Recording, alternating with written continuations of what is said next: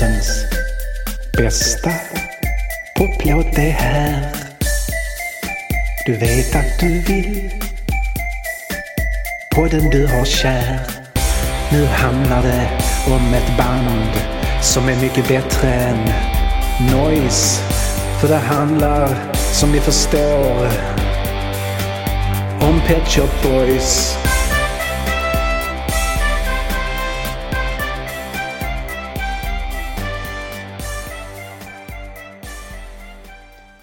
–1988 står Pet Shop Boys på toppen av sin kreativa förmåga.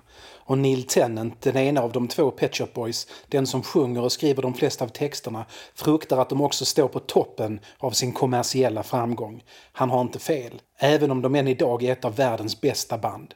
Men 1988 alltså hade de några helt otroliga år bakom sig och ännu några framför sig. Jag är Nils Karlsson och det här är berättelsen om inte bara 1988 års bästa poplåt utan också om världens bästa poplåt någonsin. Left to my own devices från Pet Shop Boys kanske märkligaste LP någonsin, Introspective. Pet Shop Boys träffades i en musikaffär 1981 när Neil Tennants inköp av en synt, en Korg MS-10, fångade syntspelaren Chris Lows intresse. Korg MS-10 var en revolutionerande liten maskin. Först och främst var den alltså liten, alltså fullt bärbar utan några större problem. Men den var fortfarande analog, ingen liten dator alltså utan en maskin med sladdar och ström och motstånd som skapade ljuden. En av de mindre analoga syntarna. Den var också långt före sin tid, eller snarare Sail on Silvercore, your time will come to shine. För det skulle dröja tio år tills 1991 innan den, ironiskt nog också tio år efter den slutat tillverkas, plötsligt hördes överallt. Den var den tidiga 90-talets syntbas. Om du dansade mellan 1991 och 1994 så är det goda chanser att du dansar till en baslinje som spelats på en Korg MS-10. Ett fett, runt, underbart basljud kunde den ge ifrån sig. Men 1981 var det inte det självklara valet av synt att köpa, så Chris Lowe blev såklart intresserad och Neil Tennant förklarade så gärna. Han tänker starta en poporkester. Han var redan musikjournalist men det verkade mycket, mycket roligare att vara popstjärna spelarna än att intervjua dem. Lowe och Tennant kommer omedelbart bra överens och under de följande veckorna fikar de allt oftare och pratar djupare och djupare om vad man borde göra med musik.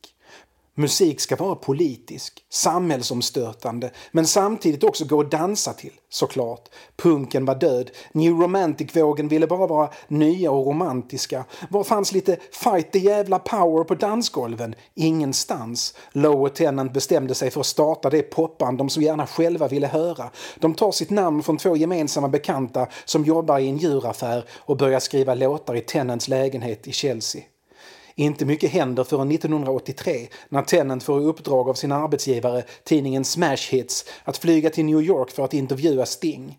Tennant är en klok människa och avskyr givetvis Sting och Sting verkar märka detta och det blir ingen bra intervju. Sur och kränkt över att Sting får vara popstjärna och inte Neil Tennant går Neil Tennant på diskotek och lyssnar på de senaste amerikanska dansljuden. Han bestämmer sig också för att inte låta hela New York-resan vara en bortkastad färd rätt in i Stings plattityder utan stämmer kommer också möte med dansmusikproducenten Bobby O, mannen bakom de där senaste amerikanska dansljuden. Bobby O går med på att ta en kaffe med Tennant och de har hur trevligt som helst. Bobby O, egentligen Bobby Orlando, är övertygad om att det kommer komma en andra brittisk invasion med nya brittiska band som tar över de amerikanska listorna och Tennant är övertygad om att han kan övertyga någon som är övertygad om en andra brittiska invasion om att The Pet Shop Boys borde vara en del av den. Med sig har han demokassett som han ger till Orlando. Ring mig innan jag reser hem om du hör något du gillar. På demon finns versioner av It's a Sin, Opportunities och West End Girls. Orlando gillar vad han hör. Han ringer innan Tennant flyger hem och istället för att Tennant flyger hem blir det så att Chris Lowe flyger till New York och spelar in låtar tillsammans med Tennant och Orlando. Nöjdast blir de med West End Girls som Orlando släpper som singel och visst, den funkar. Och den blev en mindre hit i New York men några stjärnor blev inte Pet Shop Boys. Tillbaks till England.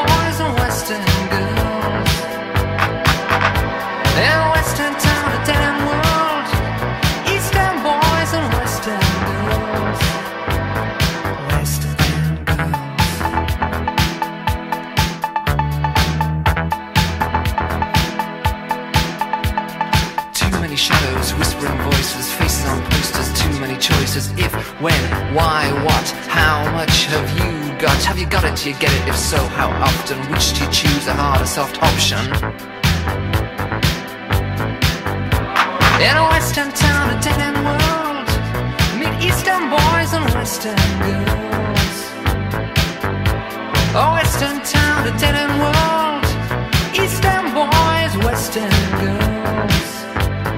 West girls.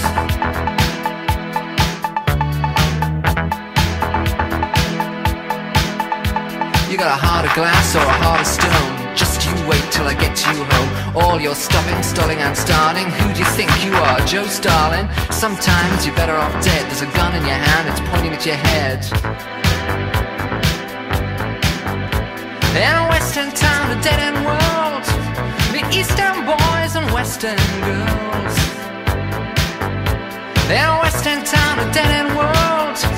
Eastern boys, western girls,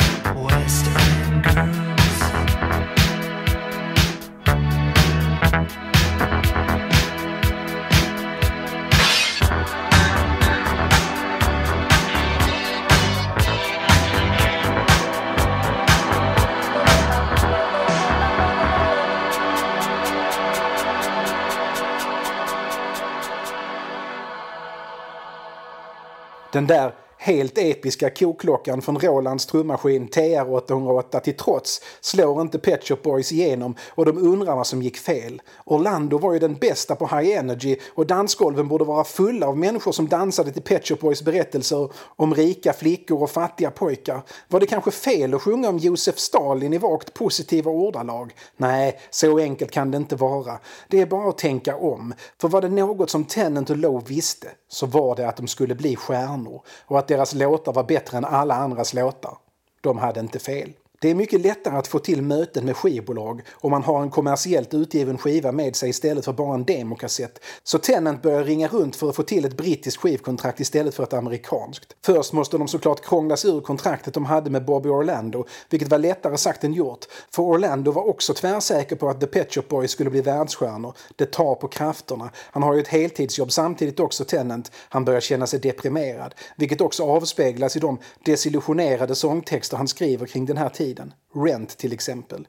Medan Tennant fixade med det praktiska går Lowe ut och dansar. För att höra hur europeisk dansmusik ska låta. Och han tar in allt, antecknar, grips av rytmerna. Och en låt sticker ut mer och mer. Och fötterna kan inte stå stilla. Och den är kaxig och den låter olikt det mesta. Och det är något så ovanligt som en maxisingel som toppar listorna. Inte den mest sålda maxisingeln, det är och förblir New Orders Blue Monday, men en som spelas på radio i sin helhet och som ligger på topplistan, ibland etta, i tre Tre olika versioner med samma band mellan 1984 och 1985. Chris Lowe är hänförd.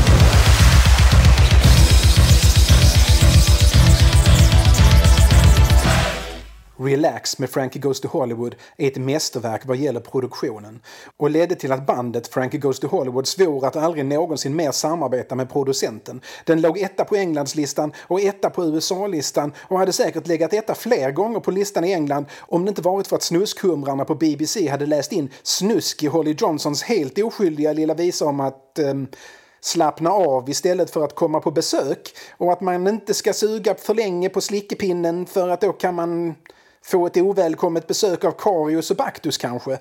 Men på BBC får man för sig att Johnsons låt om god tandhygien handlar om snusk och bögeri, så de bandlyser den. Det hindrar den inte från att låta fantastisk och sälja massor. Producenten i fråga är Trevor Horn. Do you remember a guy from such an early episode av världens bästa topplåt som den om Video Killed the Radio Star? En närmast perfekt poplåt av duon The Buggles. En duo som faktiskt också träffades i en musikaffär och började prata syntar låtar och som också den toppade listor. Trevor Horn var en av The Buggles. Jeff Downs var den andra Buggeln.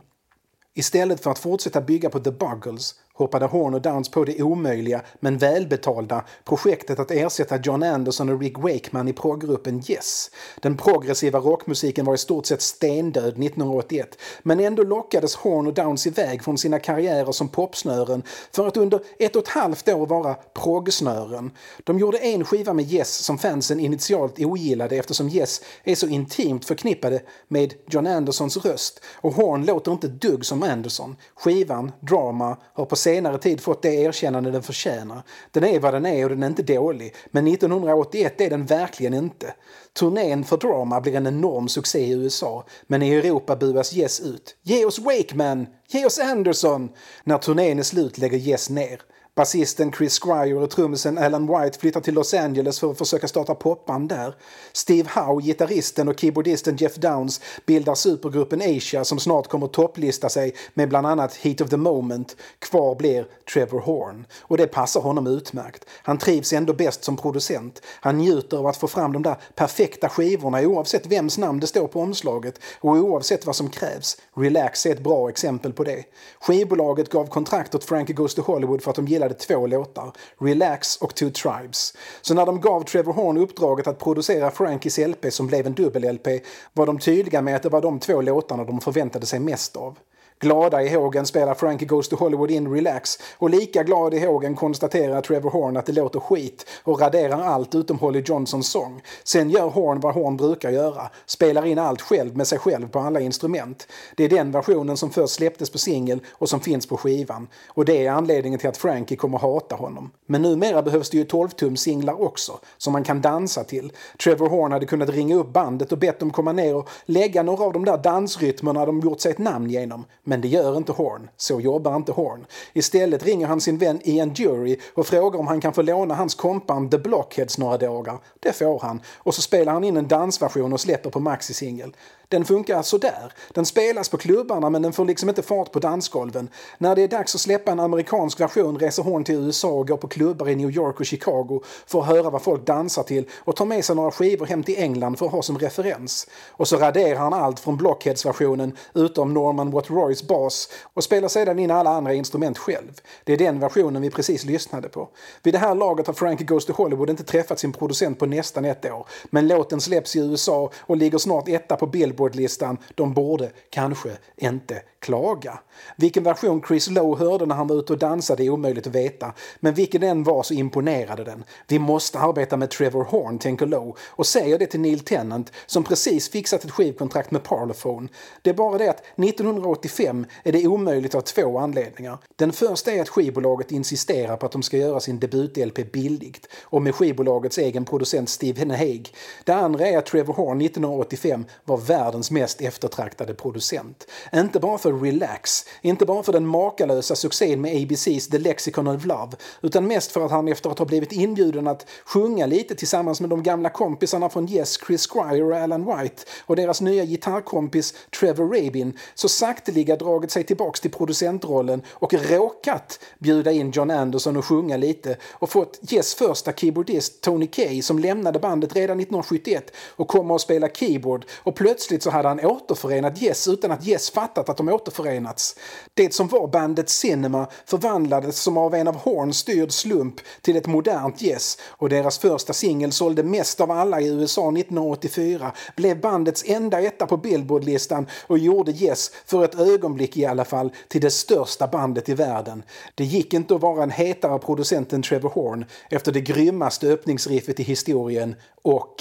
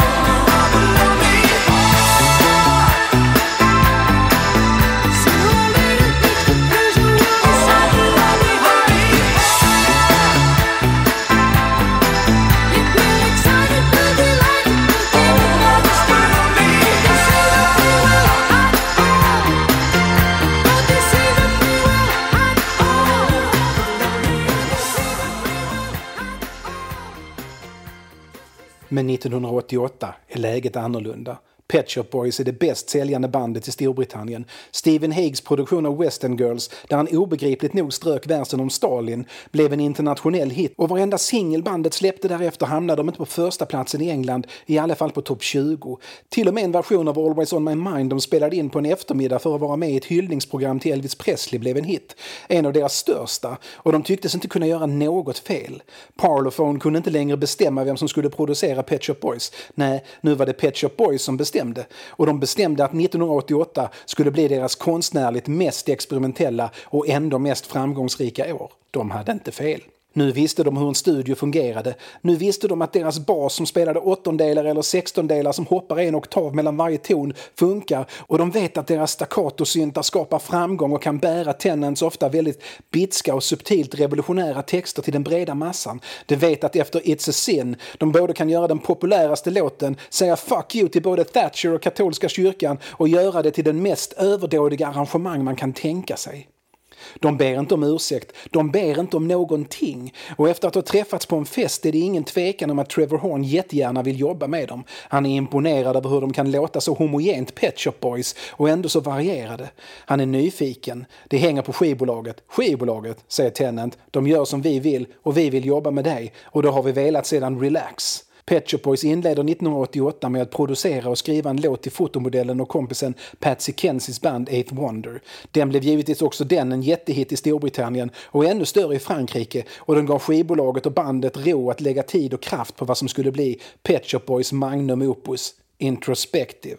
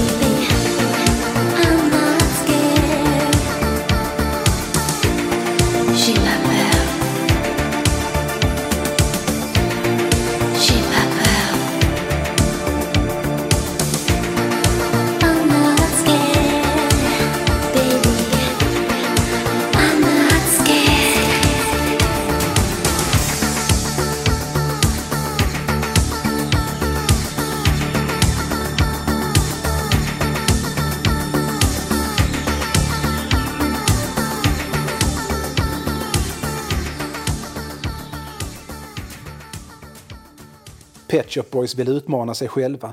De känner att de liksom har full koll på det där med att skriva perfekta poplåtar på 3-4 minuter. Men It's a Sin, som är strax över 5, har fått dem att tänka att man kan bryta de band och bojor som binder en och skapa en konst utanför ramarna. Och deras 12-tumsmixar, maxisinglarna, är omåttligt populära och de älskar att göra dem. De ska göra en hel LP med maxisinglarna direkt. Inga korta poppärlor. Sex långa jävla danslåtar med innehåll och melodier. Inte ska ni väl, försöker skivbolaget. Jo då, det ska vi. Och vet ni vad? Vi ska ha Trevor Horn som producent. Han är dyr, invänder skivbolaget. Inte dyrare än att inte spela in någon skiva alls, förklarar Pet Shop Boys. Och så blir det som bandet vill. Men de får nöja sig med Trevor Horn på två låtar.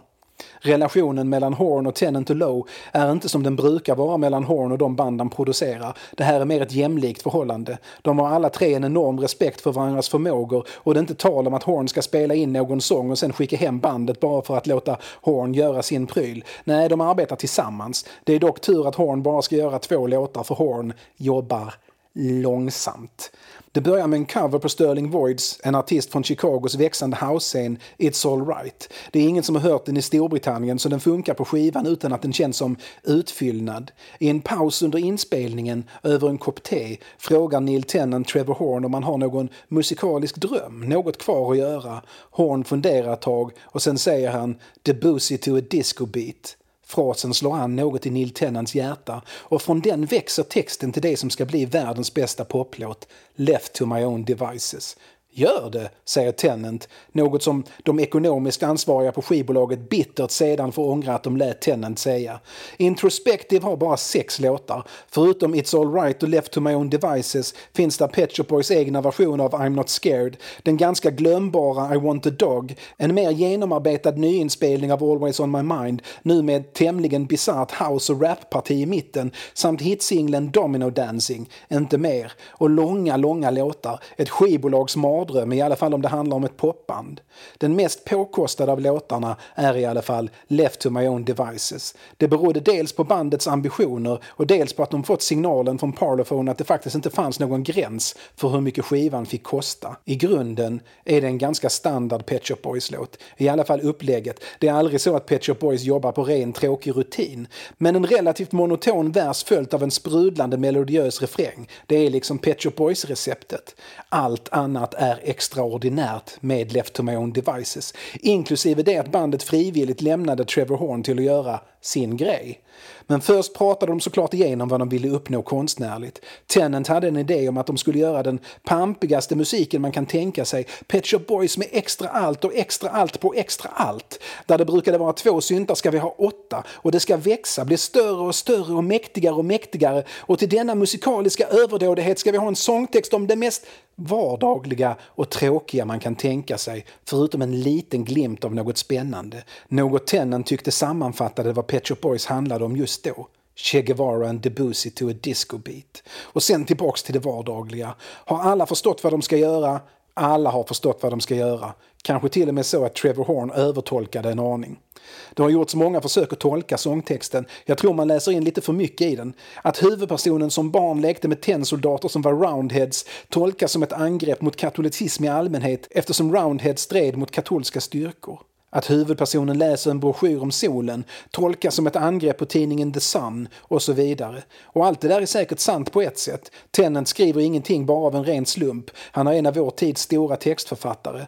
Vanligast är tolkningen att den handlar om tristessen som sägs inträda i ett homosexuellt förhållande när den första passionen har lagt sig. Det är möjligt, även om jag nog skulle säga att det inte alls är något unikt för homosexuella förhållanden. Men jag tror vi får lita på Tennant här. Det viktiga är kontrasten mellan en ganska blek vardag och den musik den tonsätts med. Sa jag att Trevor Horn kanske övertolkade det där med extra allt? Det gjorde han kanske. Han kanske övertolkade det där med fri budget också. För det första han gör är att hyra in en symfoniorkester.